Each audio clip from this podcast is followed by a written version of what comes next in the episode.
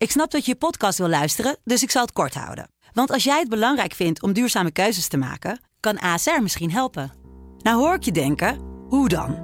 Nou, bijvoorbeeld bij het duurzaam herstellen van schade. Of de premies die we beleggen volgens ons duurzaam beleggingsbeleid. Dat bepaalt waar we wel en juist niet in investeren. Wil je meer weten over welke duurzame keuzes ASR maakt? Ga dan naar asr.nl/slash duurzame keuzes. ASR doet het. Zo, dan kan je nu lekker naar je podcast luisteren. Ken je Eva? Eva is een vrouw die in het verleden niet de beste keuzes maakte als het op de mannen aankwam. Na de laatste teleurstellende relatie en het moeten opgeven van haar kinderwens besluit ze dat het helemaal anders moet. Een vaste relatie, daar is ze klaar mee. En dus is Eva aan het daten geslagen. Dit is het Dagboek van Eva. Een podcast van Vrouw. Dinsdag. Dus je wilt geen relatie, maar wel exclusiviteit als het op seks aankomt. Roy kijkt er plagerig bij. Ik heb hem verteld over mijn Tinder-avontuurtje vorige week en hoe die oppervlakkige seks met een vreemde mij ineens tegenstond. Nu hij hardop deze korte samenvatting van mijn verhaal geeft, voelt het als een voorstel dat ik beter niet had kunnen doen. Waarom zou hij zich op deze manier aan mij binden? En waar is dan het verschil met een echte relatie in te vinden? Ik zoek naar een manier om mij uit een ongemakkelijke situatie te redden. Maar Roy neemt opnieuw het woord. Ik zie er wel wat in. Alleen, daar moet dan wel echt iets tegenover staan. Hij pakt zijn glas wijn van de tafel, leunt achterover en laat mij in het ongewisse. Ik heb geen idee waar hij op doelt. Ik weet het echt niet. Waar ik normaal gesproken altijd een beetje geïrriteerd raak van vaagheden, word ik er nu ontzettend opgewonden van. Wat doet deze man toch met mij? Geef me even een paar dagen om erover na te denken, zegt hij dan. Nu tast ik helemaal in het duister. Dus je wilt dat ik er iets tegenover stel, maar op dit moment weet je nog niet wat? Oh, jawel hoor. Ik wil alleen even op zoek naar de juiste manier om het aan je te brengen. Hij buigt naar voren, pakt mijn kin en geeft me een korte, intense zoen op mijn mond. Als hij loslaat, hap ik naar adem. Wat ruik je toch lekker, Eva? Kleed je maar snel uit. Ik heb zin in meer. Vrijdag. Ik lig in bad, al minstens een half uur. Mijn voeten zijn gerimpeld en het water koelt af, maar ik wil er nog niet uit. Sinds dinsdagavond heb ik niets meer van Roy gehoord. Ik heb wel wat geappt, maar over zijn voor wat hoort wat plannen blijft het opvallend stil. Ik heb zo ongeveer alles al de revue laten passeren. Misschien is hij wel een soort Christian Grey van Fifty Shades of Grey. Dat lijkt me wel wat, tot op een bepaalde hoogte dan. Maar misschien wil hij wel dat ik iedere avond voor hem kook. Hoe niet opwindend zou dat zijn? Ik weet het niet. En ik kan het met niemand bespreken. Ik weet zeker dat Helen er iets ontzettend engs achter zoekt en mij het allerliefst heel ver bij hem vandaan zou willen houden. Ik moet het op me af laten komen. En als ik mij er niet prettig bij voel, kan ik altijd nog nee zeggen. Maar dan geen exclusieve seks met die mooie buurman. Maandag. Eve, koffie? Mijn collega vraagt het op een toon waaruit ik opmaak dat het al eens eerder is gevraagd.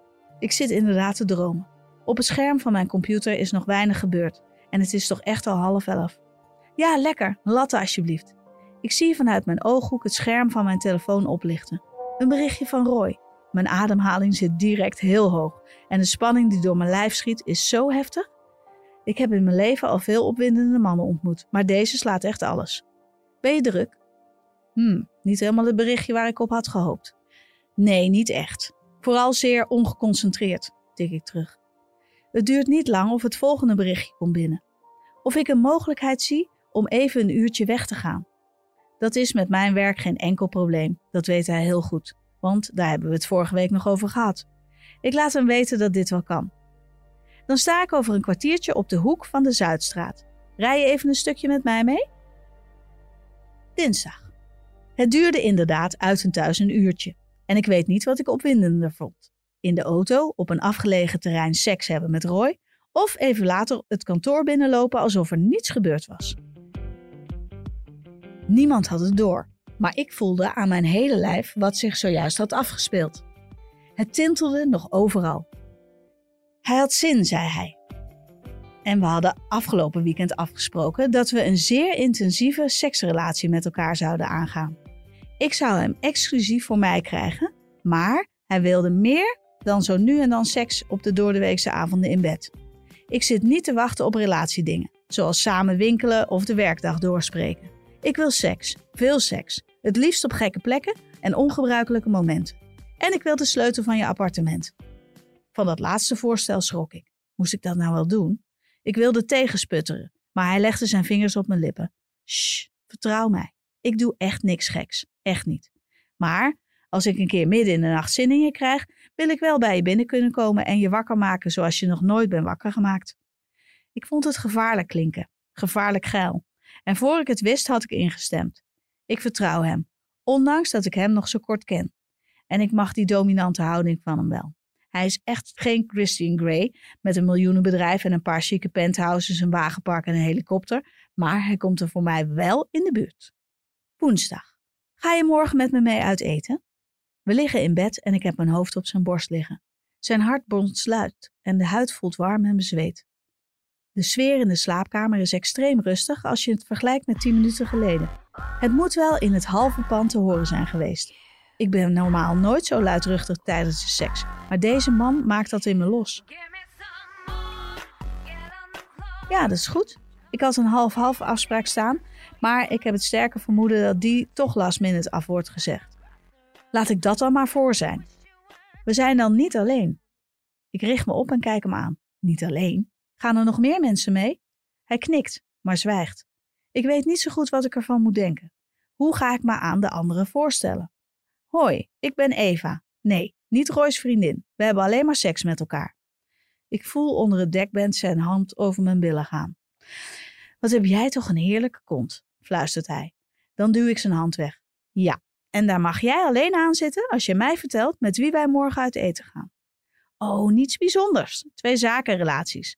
Als je met drie mannen aan tafel zit, gaan de gesprekken al vaak over voetbal en geld. En daar heb ik geen zin in. Ik wil dat je met me meegaat om de avond een andere sfeer te geven. Ik ga rechtop in bed zitten. Maar we houden het wel netjes, toch? Hij schiet in de lach. Met mijn trio met Daan en Mick nog vrij vers in het geheugen, ben ik nog niet helemaal toe aan een volgende hoofdstuk op dat gebied. Tijdens het eten houden we het heel netjes, maar daarna duiken jij en ik samen een hotel om de hoek in. En daarover kan ik je niet beloven dat het beschaafd blijft. Donderdag. Ik heb een afschuwelijk duur jurkje gekocht bij een nieuw boutiqueje in de stad.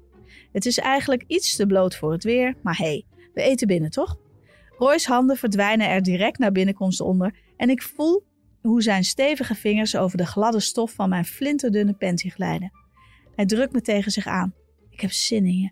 Ik hoop dat je een beetje uitgerust bent. Het kan wel eens heel laat worden vannacht. Hij zegt het heel beheerst en hij laat me ook meteen daarna los. Om vragen te voorkomen stel ik je voor als mijn vriendin, zegt hij vrij dwingend. Ik ga er maar niet tegenin. Maandag. Heren, Eva, mijn vriendin. Roy stelde me vorige week zakelijk aan zijn collega's voor, bijna kortaf. Dat zinnetje dreunt alleen nu al dagen door mijn hoofd. Vooral die laatste twee woorden, mijn vriendin. Ergens vind ik het wel lekker klinken, maar tegelijkertijd haalt het voor mij ook wel de magie van onze relatie weg. Ik ben zijn vriendin niet. We hebben seks met elkaar. Ik heb het Helen zojuist proberen uit te leggen, maar ze kijkt me aan alsof ze water ziet branden. Dus jullie hebben veel seks, wonen in hetzelfde pand, zien elkaar meerdere keren per week. Hij stelt je voor aan zijn collega's als zijn vriendin, maar jullie hebben niks met elkaar. Nee. En ik weet dat het jou geweldig lijkt als ik ook aan de man ga, maar ik moet er echt niet aan denken. Het verschil zit hem in de kleine dingen. Hij doet zijn eigen was bijvoorbeeld. Het idee alleen al dat ik zijn sokken overal tegen ga komen. Helen rolt met haar ogen.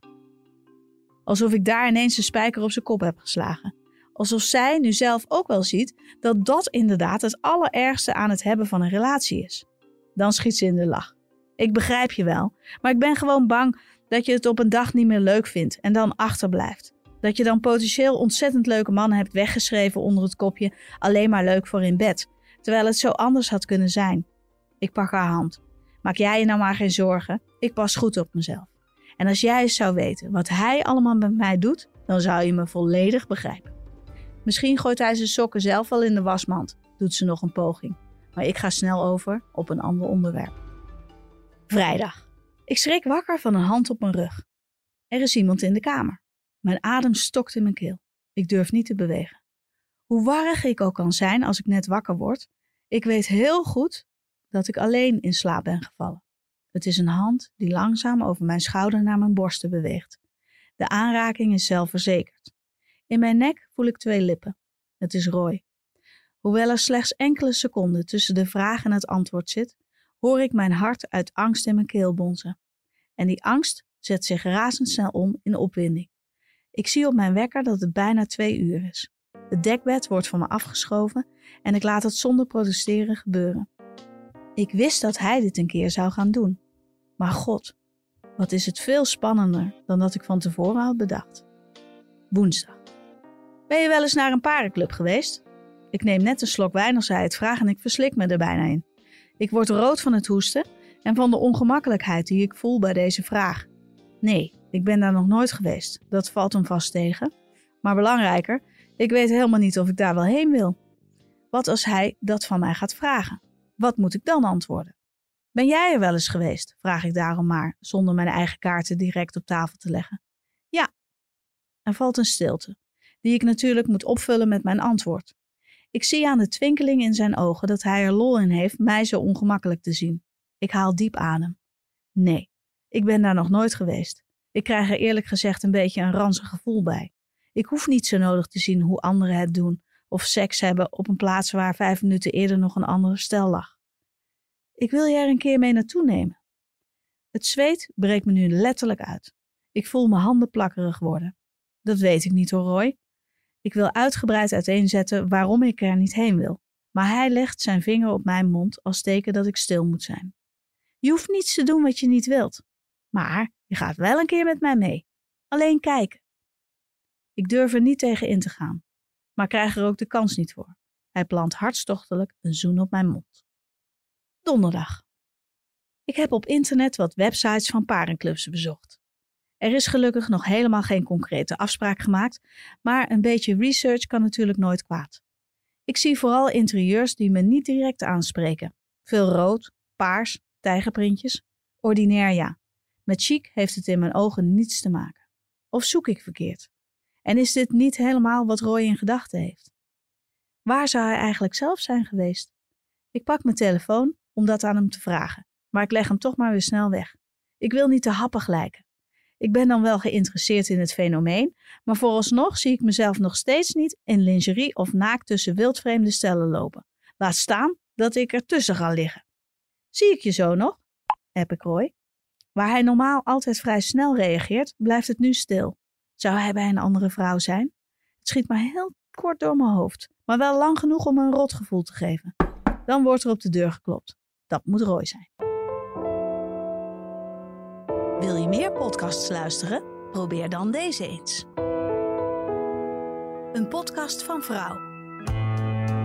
Ik vond het echt heel pittig. En ik heb op ja, bepaalde momenten echt wel gedacht van... oh mijn god, af en toe kom ik ze wel even achter mijn hangplank hoor. In Zo Doet Zij Dat helpen inspirerende vrouwen jou door deze onzekere coronatijden heen. Die perfecte relaties van, oh wat vind ik het heerlijk om met mijn man opgesloten te zitten 24-7 en alleen maar liefde.